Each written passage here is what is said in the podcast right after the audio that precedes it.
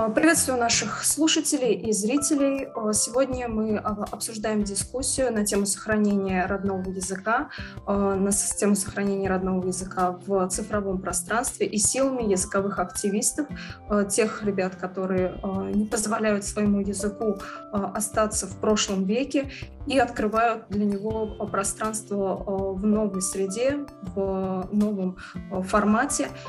И с нами сегодня Ольга Урасина, Э, удмуртская активистка, э, преподаватель э, удмуртского языка, а также инициатор курсов онлайн в период карантина под названием «Удмуртский язык на карантине». И Таймураз Бетмиров, осетинский исследователь, переводчик социальной сети ВКонтакте, мессенджера Telegram на осетинский язык, и преподаватель осетинского языка. Также Таймурас э, работает э, в качестве старшего научного сотрудника в Институте истории и археологии э, Республики Северная Осетия Алания. Э, давайте э, что общего э, между э, нашими гостями. Э, Ольга, представительница удмуртского языка, Таймурас, представитель осетинского сообщества, и оба эти языка республиканские. Оба эти языка имеют большой задел и большой статус на картине языков России. Поэтому это как раз-таки те самые гости, которые могут нам рассказать о а, новшествах, о инструментах, которые а, все их сообщество продвигает в защиту родного языка. Поприветствуем Таймураза. Добрый день. Таймураз, расскажите, пожалуйста, как на сегодняшний день обстоит дело с осетинским языком в цифровом пространстве?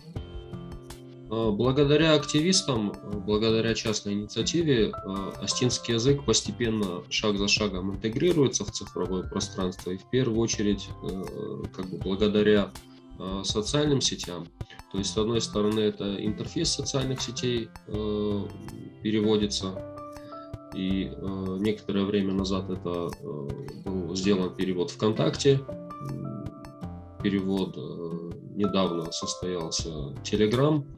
А, есть, э, конечно, и онлайн-словари астинского языка. Сейчас ведется работа над приложениями и онлайн-словари, и э, недавно вышло предложение для детей, чтобы они могли изучать астинский язык по картинкам и по алфавиту.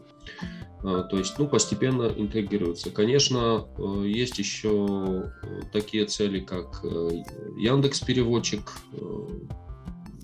ну, пока трудно спрогнозировать, когда это будет. Э, хотелось бы также получить Яндекс Навигатор на астинском языке, но тоже пока э, особо дело не двигается. То есть такие цели есть. И, а с другой стороны, это как бы пополнение, то есть цифровой, цифровой контент на астинском языке, он растет. Это как и э, YouTube каналы, например, э, астинского телевидения, Иристон ТВ так и э, соответствующие э, группы, группы ВКонтакте, группы в Телеграм, в Инстаграме тоже астинский язык э, представлен. Я думаю, что в гораздо меньшем качестве. Ну, постепенно, как бы, ну, благодаря частной инициативе он интегрируется. Спасибо, Таймураз. Ольга, кажется, прозвучал момент того, что осетинский язык еще не дошел до индекс переводчика, и это как раз и тот случай, с которым удмуртский дает фору осетинскому. Расскажите, пожалуйста, а, какие инструменты в руках а, удмуртоязычных а, жителей России? Да, добрый день, дорогие зрители, слушатели. Вот, давайте я просто начну с того, что 550 э, тысяч человек у нас э, записываются удмуртами, да, по переписи 2010 года, и из них носителями являются 320 тысяч, да, такие цифры.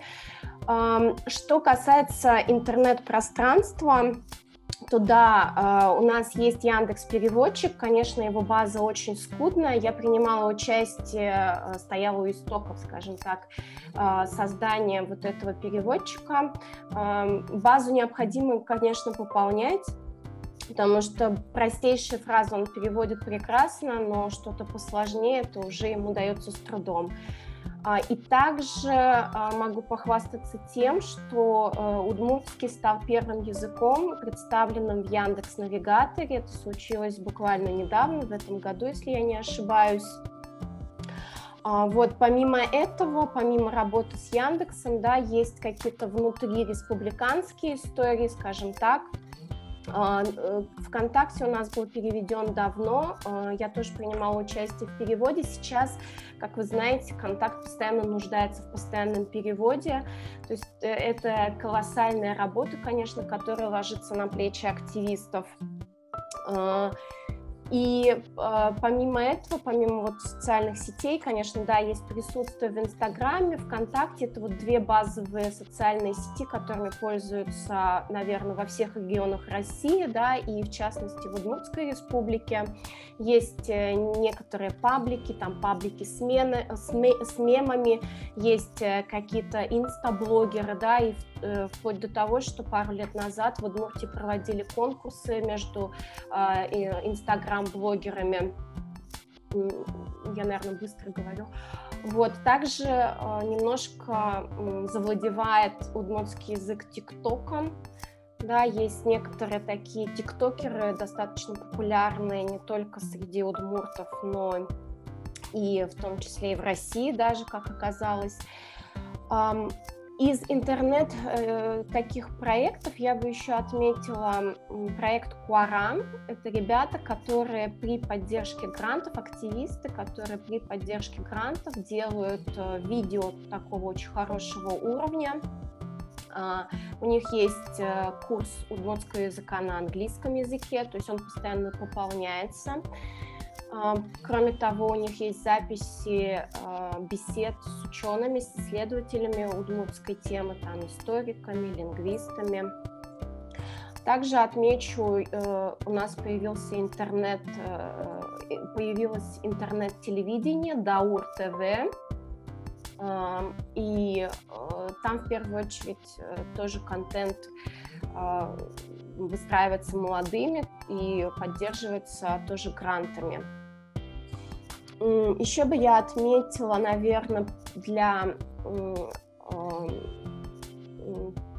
как бы тоже такая интересная история. Карина вот знает настольные игры на удмуртском языке. У нас есть э, группа ребят, которые разрабатывают игры настольные. Они очень популярны на данный момент. Если я не ошибаюсь, 4 игры вышло. Это вот аналог мафии, Вожодыр, э, аналог э, memory, да, карточки на запоминание игра эрудит на составление, на составление удмуртских слов, и э, игра, э, по-моему, она похожа на Уно, э, Зарни перепечь, Золотой перепечь называется. Вот эти четыре игры, и э, вот они тоже достаточно популярны. Что касается еще интернет-пространства и вообще цифровых э, историй, то у нас есть замечательное приложение, а, Колдыщин, его разрабатывал Гриша Григорьев, который принимал участие в разработке навигатора. А, также у нас э, выходило, выходит два подкаста да, то есть они сейчас на какой-то паузе. Один из подкастов это озвучка литературных произведений, а второй подкаст был, знаете, на такие а, актуальные социальные темы разговор, то есть там, получается, и лексика должна быть соответствующая, и сама тема достаточно щепетильная, то есть это был очень интересный опыт, но поскольку все держится на инициативе одного-двух людей, пока вот у них там остановилось на трех-четырех выпусках. Вот, э, в свою очередь, я бы э, вкратце еще сказала про свои проекты, да, вот эм, во время ковид, карантина я запустила онлайн-курс «Удмуртский на карантине», потому что я чувствовала, что есть некая потребность и я не могу всех лечить, нету ресурсов, да, временных и вообще физических, чтобы весь мир научить удмуртскому языку. А, вот, поэтому а, я запустила такой курс, и было 17 э, занятий, в ходе которых мы тему за темой э, изучали, и э, вот за эти 17 уроков это фактически был базовый курс пройден.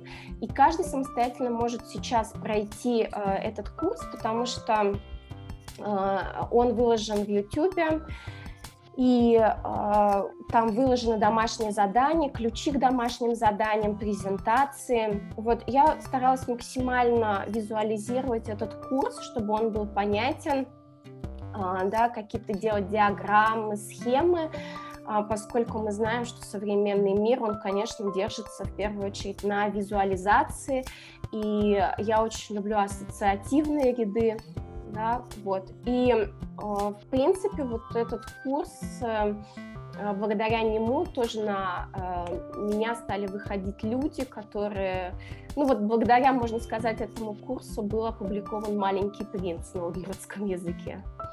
Вот, и, ну, наверное, вот это все, что я бы хотела сказать.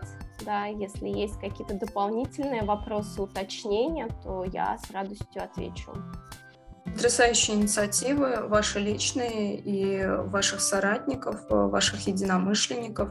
А, прозвучало то, что готовятся подкасты, э, совершенно популярный сейчас э, продукт э, Таймурас. Есть ли осетиноязычные подкасты или, может быть, у ваших соседей на Кавказе в каких-нибудь других языках? Честно говоря, по соседям не знаю. Я, есть видео, подкасты адыгов, это точно. Не знаю в каком количестве. Аштинских подкастов мало, в принципе, созданных как бы, э, ну, единицы. И эта тема, она еще, скажем так, ну, не паханное поле, но, с другой стороны, э, непонятен, какой запрос есть в Осетии на остиноязычный подкаст и на какие темы. И мне кажется, частично этот запрос удовлетворяет э, национальное телевидение ну, по, моим, по моим ощущениям. И как бы я сам ну, писал подкасты только в виде занятий, то есть занятия, которые я проводил с учениками, они были записаны в формате подкаста. Вот такие как бы есть. А в остальном ну, известных мне подкастов очень мало. То есть выраженных видеоблогеров, влогеров э, на национальных языках Кавказа пока нет? Э, ну, пока маловато. То есть э, еще есть куда расти.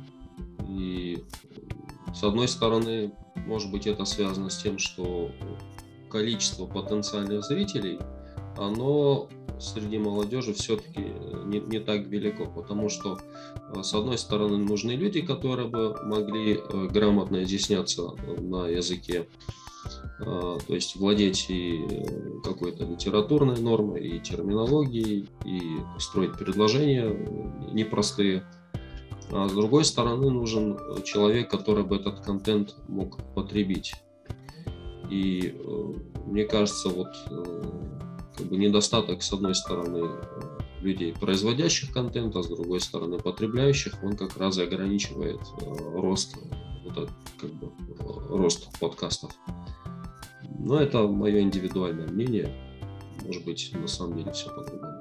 Да, это серьезное затруднение. Э, Оля, скажи, пожалуйста, как удмурты преодолевают этот э, межпоколенческий барьер того, что старшее поколение среднее поколение – это те, которые готовы потреблять контент на удмуртском языке, аудио, видео, младшее молодежное поколение – это те, которые э, хотели и готовы потреблять с технической позиции, но язык у них недостаточно сильный, это язык только на восприятие, восприятие, на какую-то бытовую норму, а вот полноценный текст на удмуртском, целые сюжеты э, смотреть людям или слушать было сложно. Как вы э, дружите эти два поколения, как этот разрыв преодолеваете?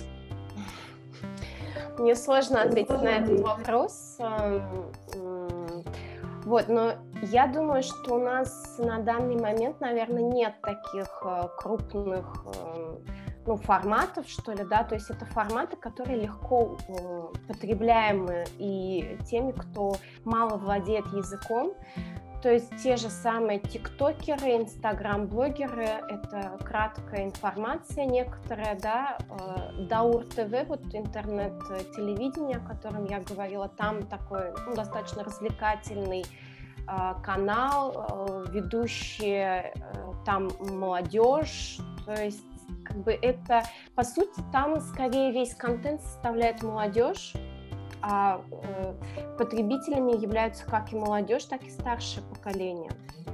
Вот, то есть я как бы вот этой проблемы особой ну, не чувствую, может быть, или не задумывалась о ней.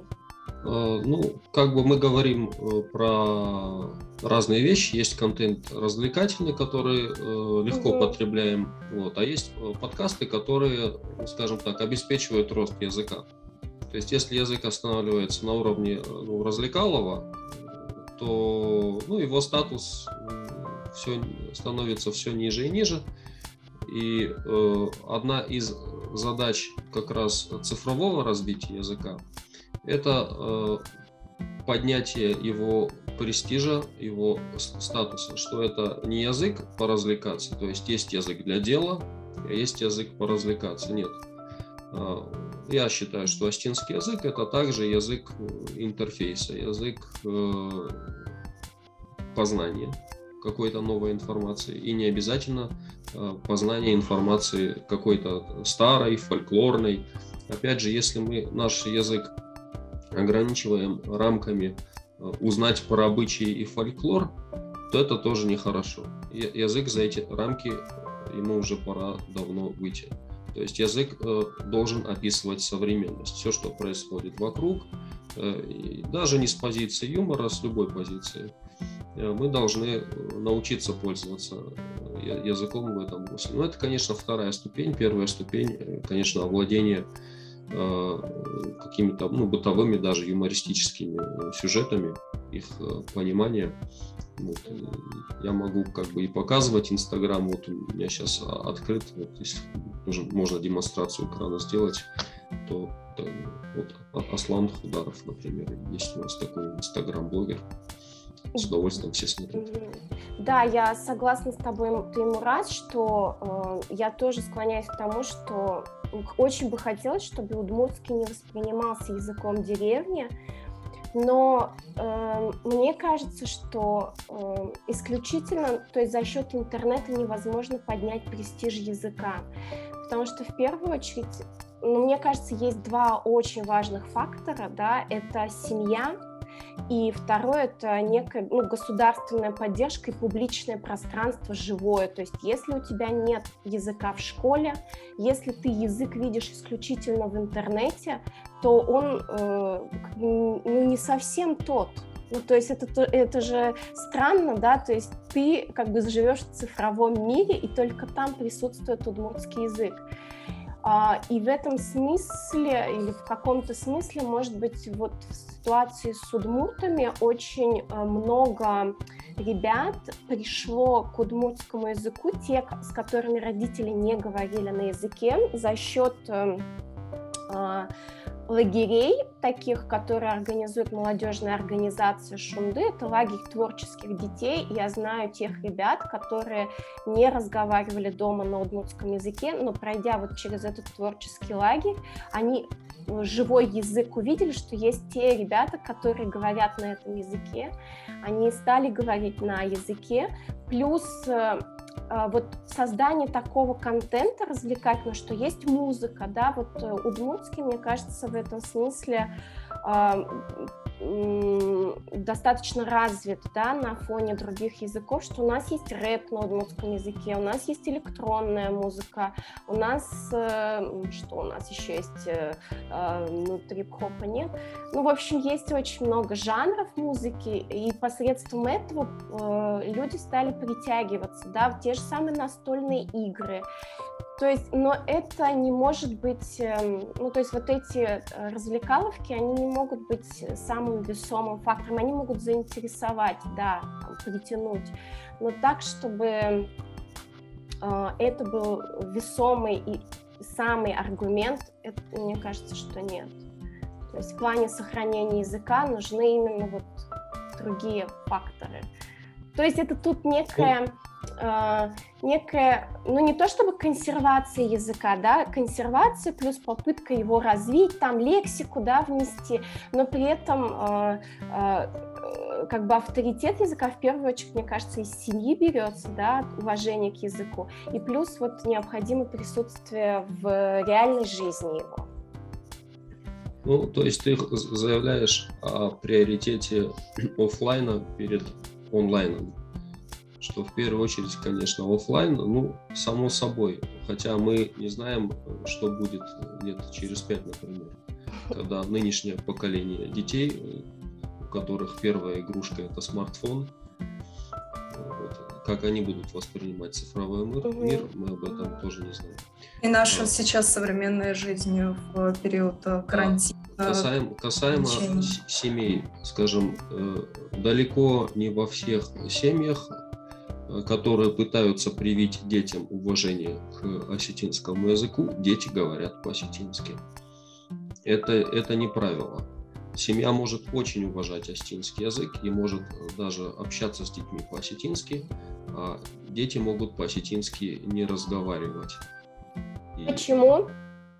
Вот э, такая психология. Вот э, детский, из детского сада они приходят э, русскоговорящими, ну вот, в школе они русскоговорящие. Ну вот, это как бы семья, а второй фактор – публичное пространство. То есть тут не про онлайн речь, а что нет в школе, нет а, в детском саду. Я У нас понимаю. такая же проблема. Я, я понимаю. Значит, я считаю, что цифровой мир отчасти восполняет недостаток публичного пространства на астинском языке. То есть, по сути, все, что мы делаем, это цифровое публичное пространство. И там, где мы не можем работать в офлайн, сделать э, язык э, вездесущим для каждого потенциального его носителя, э, мы стараемся э, так, чтобы обеспечить присутствие языка вокруг именно в онлайне, в цифровом виде. То есть мы восполняем этим недостатки э, мира офлайн. А у вас есть мультфильмы? То есть насколько развит контент для детей, для, подро... ну, для вот возраста детского сада? Э, мультфильмы есть, есть переведенные советские мультфильмы, и есть переведенные мультфильмы э, современные российские «Маша и медведь», mm-hmm. которые по детским садам высылают. Есть mm-hmm. диснеевские, пиксаровские полнометражные ленты, ну, порядка 4-5 э, вот по одному мультфильму я даже, у меня есть курс, онлайн-курс. Mm. Я его нарезал на отрывки, и каждый день люди с отрывками работают. Это дубляж? Это дубляж, довольно mm. качественный, довольно ну, качественный, с подобранными актерами, э, музыкальные, очень, ну, в музыкальном отношении очень хорошо продублировано. Но это, это работа активистов, да, была? Это, да, да, это работа активистов. А, были Вопрос попытки... с правами не урегулирован. Они распростра... могут распространяться только через ссылки. То есть вот так ага. вот залить на YouTube я, например, не могу. Угу. И в этом смысле э, это большой недостаток, угу. потому что даже несмотря на то, что какие-то мультфильмы есть, э, многие люди их об их существовании узнают э, либо от меня, либо еще от кого-то. То есть угу. ребенок может уже вырасти, а родитель э, потом узнает, что оказывается были мультфильмы угу, на латинском угу, языке. Угу, угу. И в этом уже в этом недостаток, конечно. Я не зря хотела вот обратить внимание. Да, можно я еще добавлю? Да, да, Ольга, добавляй, пожалуйста. Вот по поводу заполнения, скажем, брешей контента, да, на осетинском языке. Мне кажется, это очень сложно, э, потому что это такая жесткая конкуренция не с русским даже языком, а с английским. То есть э, я думаю, что э, в будущем скорее вопрос будет уже для русского языка стоять, чтобы дети потребляли контент на русском языке, да, потому что все-таки э, контент более качественный, э, более широкий спектр представлен на английском языке в интернет-пространстве, и мы, ну, то есть это как бы сложно с этим конкурировать. Я бы сказал, поживем, увидим. Россия традиционно не та страна, в которой бы люди свободно владели английским языком, хотя некоторые родители прилагают к этому усилия. Ну, благодаря наличию в России качественных переводчиков с английского на русский, скажем, по всей, массовое владение английским нам еще далеко не близко. Ну, ну и учитывая особенности нашего школьного образования, где учат языкам как родным, так и английскому или другим иностранным определенным образом, я думаю, конкуренция английского пока еще ну, лет 15 не грозит точно. Очень здорово, что мы пробежались по всем продуктам, которые предоставляют как осетинский, так и удмуртский язык. Но я хотела бы обратить внимание и наших спикеров, и наших слушателей на то, что в России, если говорить о коренных языках, языках, которые ведут свою историю территории России э, порядка 200 э, лет, таких языков насчитывается 150.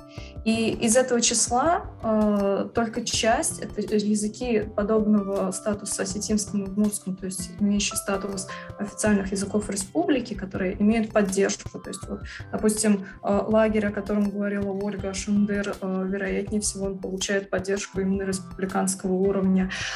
И это все возможно для языков этого статуса. У них очень большие сообщества, вы слышали, 500 тысяч э, человек у Ольги, примерно столько же в случае осетинов, если я не ошибаюсь, два раз. И э, мы имеем также еще 50 э, языков, которые входят в список э, так называемой э, КМНС, коренных малочисленных народов Севера, Сибири и Дальнего Востока. И это языки сообщества, национальное сообщество которых, то есть всего лишь носители идентичности, не те, которые говорят на языке, а всего численность населения на территории России, которых не превышает 50 тысяч. 50 тысяч – это вот такой лимит, по которому проложили порог, и если ты э, имеешь больше 50 тысяч в своем народе, ты уже не малочисленный считаешься. Если меньше 50, э, то если меньше 50, то, как правило, это только первые три э, народа, э, немцы, ханты и, и венки, точнее в порядке немцы, венки и ханты, которые э, имеют э, количество порядка 40, 45 и 50 тысяч населения. При этом остальные народы – это одна тысяча, пять тысяч, в лучшем случае 10 тысяч, таких народов на территории России 50. Если такое маленькое национальное сообщество, то мы понимаем, что еще и э, владеющих э, языком внутри этого национального сообщества намного меньше. А когда эти э, языки не имеют такого прекрасного и продвинутого и представительного статуса, как, например, у осетинского, у удмуртского, там, не знаю, у ирзианского, у макшанского, то мы говорим о языковом сообществе, в котором только, наверное, 5% всего этноса владеет языком. И это, как правило, э, поколение бабушек, дедушек. Э, когда я начинала заниматься лингвистикой, это были бабушки, дедушки. Сейчас уже они становятся все прабабушками и прадедушками. Соответственно, это те люди, которые э, в скором времени могут покинуть нас, и, соответственно, смены у них нет. Мы уже, говоря о языках КМНС, говорим не о младшем поколении, не о детях, которые не владеют. Мы говорим о 30, 40 и в, отдельных случаях 50-летних людях, которые языком не владеют. Э, удивительным образом на территории Сибири и Дальнего Востока среди старшего поколения, это 60 плюс, э, популярен WhatsApp и Instagram. Наверное, для людей э, западных территорий сейчас это звучит немного как э, какая-то шутка или даже дикость, но это просто условия цифрового пространства, а именно того, что люди за Ураном живут в условиях цифрового неравенства.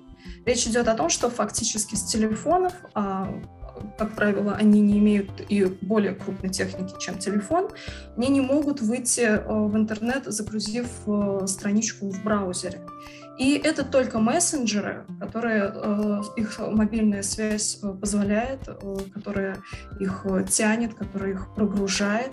И поэтому да, люди, чтобы иметь доступную связь, чтобы иметь возможность связываться со своими родственниками, переходят этот технологический барьер в своем возрасте и в 65 заводят страницы в Инстаграме не для того, чтобы постить там еду, а для того, чтобы просто связываться между собой.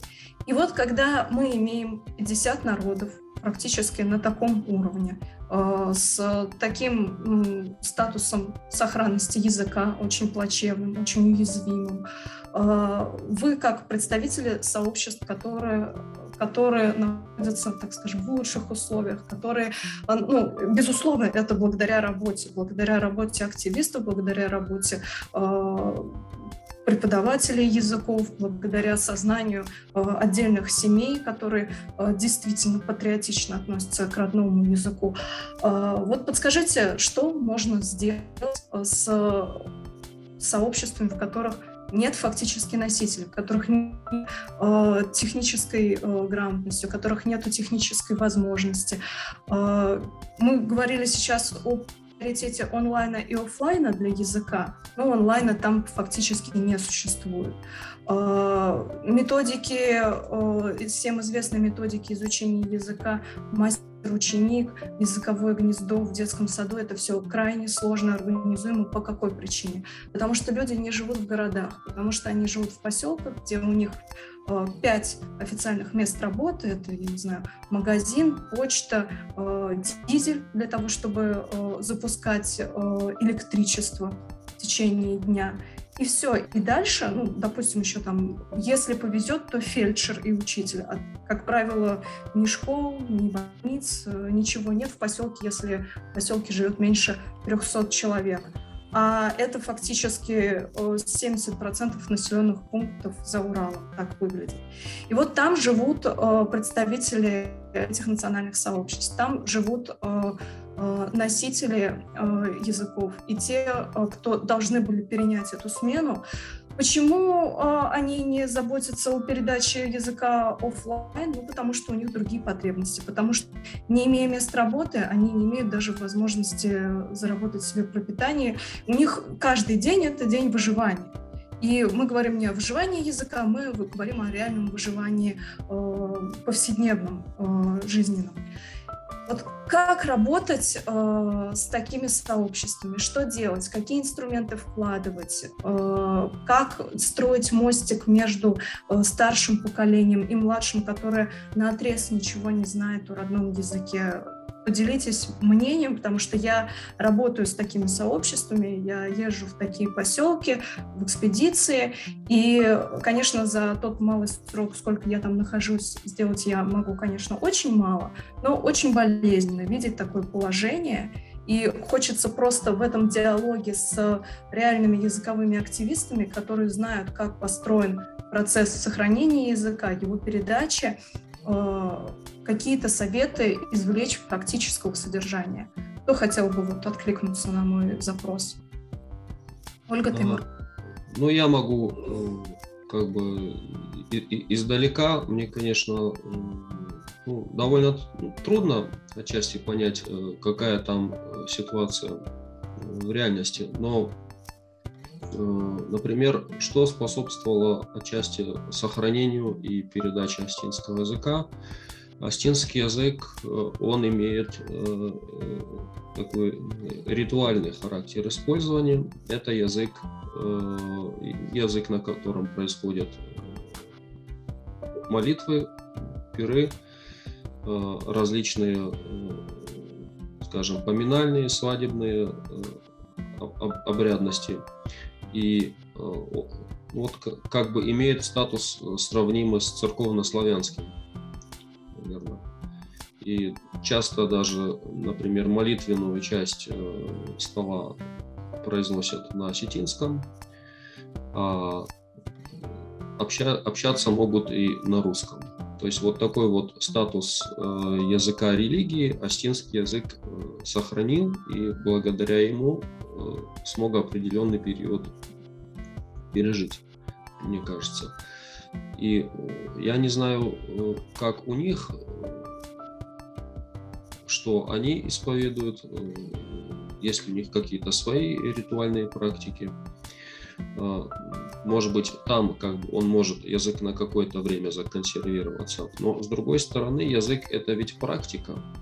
И язык это инструмент. Если нам этот инструмент некуда прикладывать, инструмент э, ржавеет и теряется. И э, если э, люди не пользуются языком, чтобы купить хлеб в магазине, то это их личный выбор, это их личный выбор терять этот язык. И здесь, опять же, стержень – это языковые активисты, то есть если люди не ощущают потребности в языке, если старшее поколение не ощущает потребность передать язык младшим, а у младших такая потребность получить язык от старшего поколения, она еще меньше. Ребенок э, не может осознанно понять, что ему необходимо этот язык взять. И язык может передаваться только наличием какой-то практики. А практика это может быть и образование на языке, то есть не изучение языка, а что-то на этом языке делать, что-то на этом языке узнавать. А, то есть надо придумать какое-то дело для них, которое бы они делали именно с этим языком. И тогда язык будет жить, он будет использоваться. То есть инструмент будет блестеть от постоянной работы. Ну вот по поводу сакральной функции языка, его как э, языка верования, религии, э, каких-то обрядов, э, могу сказать на примере венкийского, что да, у этого народа традиционно двоеверие – это православие и анимизм, не будем говорить шаманизм, потому что понятие анимизм намного шире, это поклонение духу природы. А, и, э, конечно, тут э, большой след оставила советская эпоха. И что показательно, вот, например, э, самые прогрессивные, самые продвинутые, самые состоятельные и полноценные носители ивенкийского как правило, это старшее поколение, те, которые, допустим, готовы порождать полноценные тексты на языке, готовы вступать э, в диалог, поддерживать э, диалог, а на это способны далеко не все э, люди, которых мы называем носителями языка. Носитель языка — это очень широкое понятие, это также и те, кто э, просто понимают на слух, даже те, кто знают отдельную лексику, это тоже в какой-то мере носители языка, у них есть разные статусы, статусы, разные термины для этих ступеней владения языком. И вот эти полноценные носители, фулл-спикеры, они э, в отдельных случаях, э, реальной ситуации моей работы с информантами, не знают, например, слово «бубен». И это потрясающий показатель того, что э, они использовали язык в отрыве от какой-то э, религиозной и культурной традиции. Для них это был реальный язык повседневного общения, который они переняли э, в своей семье. То есть это э, потрясающе, что э, полноценный носитель не знает э, того слова, который знает в городе э, человек, работающий в ивенкийской культуре, в досуговом центре, какой-нибудь э, молодой человек, который посещает э, форумы молодежные, национальные, который танцует в ансамбле. Естественно, он знает слово «унтун», э, «бубен». И вот самый полноценный носитель, просто э, человек, который стоит в авангарде э, ношения языка, его знания, владения языком, этого не знает. Думаю, у Оли тоже сформировалось какое-то мнение. Да, вот я хотела бы уточнить, Карин, мы говорим о детях, которые обучаются в интернатах, то есть живя в интернате или нет? Нет, нет, нет. Конечно, есть эта проблема того, что интернат равно отказ языка, но так и в семьях же нету о, среди угу. венков и венов, среди всех тунгусу-манжуров, а это порядка 12 народов на территории России, нету владения языка и его передачи в семье. Угу. Исключительные случаи двух поселков, но там mm. другая ситуация. Один поселок на сто – это не картина. Ну, я бы подошла к этому вопросу так, что, э, во-первых, надо разобраться, в чем причина, почему отказываются от языка и попробовать искоренить эту причину, да. Я понимаю, что это очень комплексный, очень глубоко ходящий в историю вопрос, Вот, э, возможно, что, ну, мне кажется, что основные причины отказа от языка это какие, это, э, то есть нет никакой экономической выгоды э, знать этот язык, да, то есть, возможно, нужна какая-то позитивная дискриминация, я знаю, что там на севере вводили, да, вот эти истории, что ханты, манси, например, да, там бум был тех, кто записывался ханты и манси, при этом они вообще не владели языком. То есть тут именно точечно как в Татарстане, да, позитивная дискриминация в адрес тех, кто владеет языком.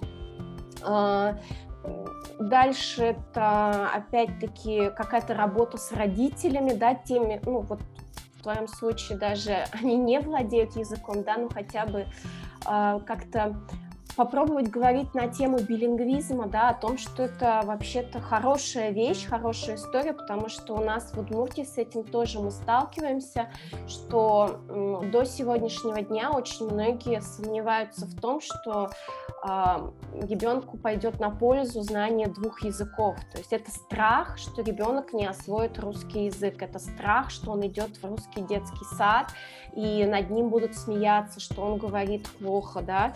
Эм, то есть э, вот мне кажется, что возможно, здесь именно позитивная дискриминация должна быть, это первое. Второе, это работа с родителями, с социумом, да, на тему престижа языка, престижа билингвизма, его статуса да, и э, я согласна вот с твоим разом э, по поводу ниши, что когда язык занимает некоторую нишу, это очень здорово, и действительно, наверное, это служит э, его сохранению.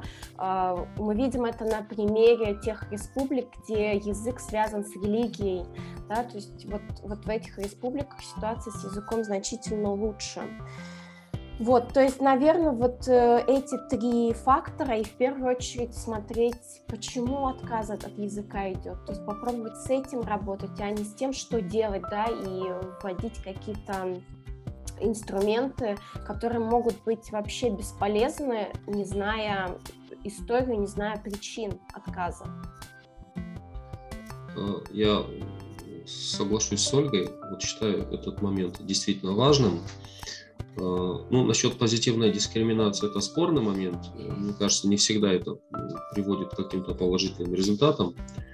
Э, вот, иногда наоборот, чем хуже, тем э, люди стараются больше заниматься своим языком.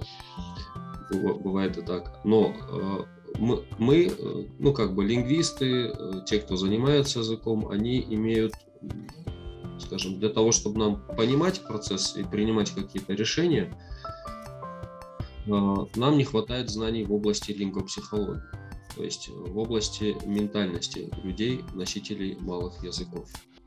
И даже возрастная градация здесь тоже важна. Мы не знаем ментальность ребенка, который э, сталкивается с двумя языками и который может считать один язык хорошим, удобным, а другой плохим, неудобным и отказываться от него ну, как бы умышленно, осознанно.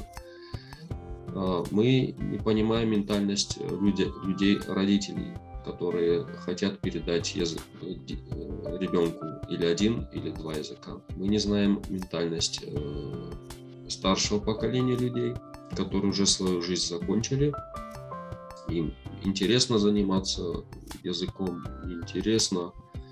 А, и здесь, скажем, очень большая лакуна для исследователей, именно психологов, потому что одни лингвисты без учета того, как сознание людей э, двуязычных, как оно работает, мы э, не сможем продвинуться вперед. Я сейчас обязательно сформулирую к концу нашей дискуссии такой посыл, к которому, надеюсь, потом подключится также Таймурас и Ольга и скажут какие-то тоже свои слова от своего языка и от своего сердца. А, если среди наших слушателей зрителей есть те, кто принадлежат национальным сообществам, те, которые владеют родным языком, то мы действительно призываем вас включаться в эту работу, включаться в эту борьбу, а, переводить свою жизнь на национальный язык, если вы им владеете, а, возможно, даже начинать творить какой-то контент, это могут быть э, видеоблоги, это может быть просто элементарно ваша переписка в Инстаграме и ВКонтакте на родном языке. Э, мы призываем действовать таким способом.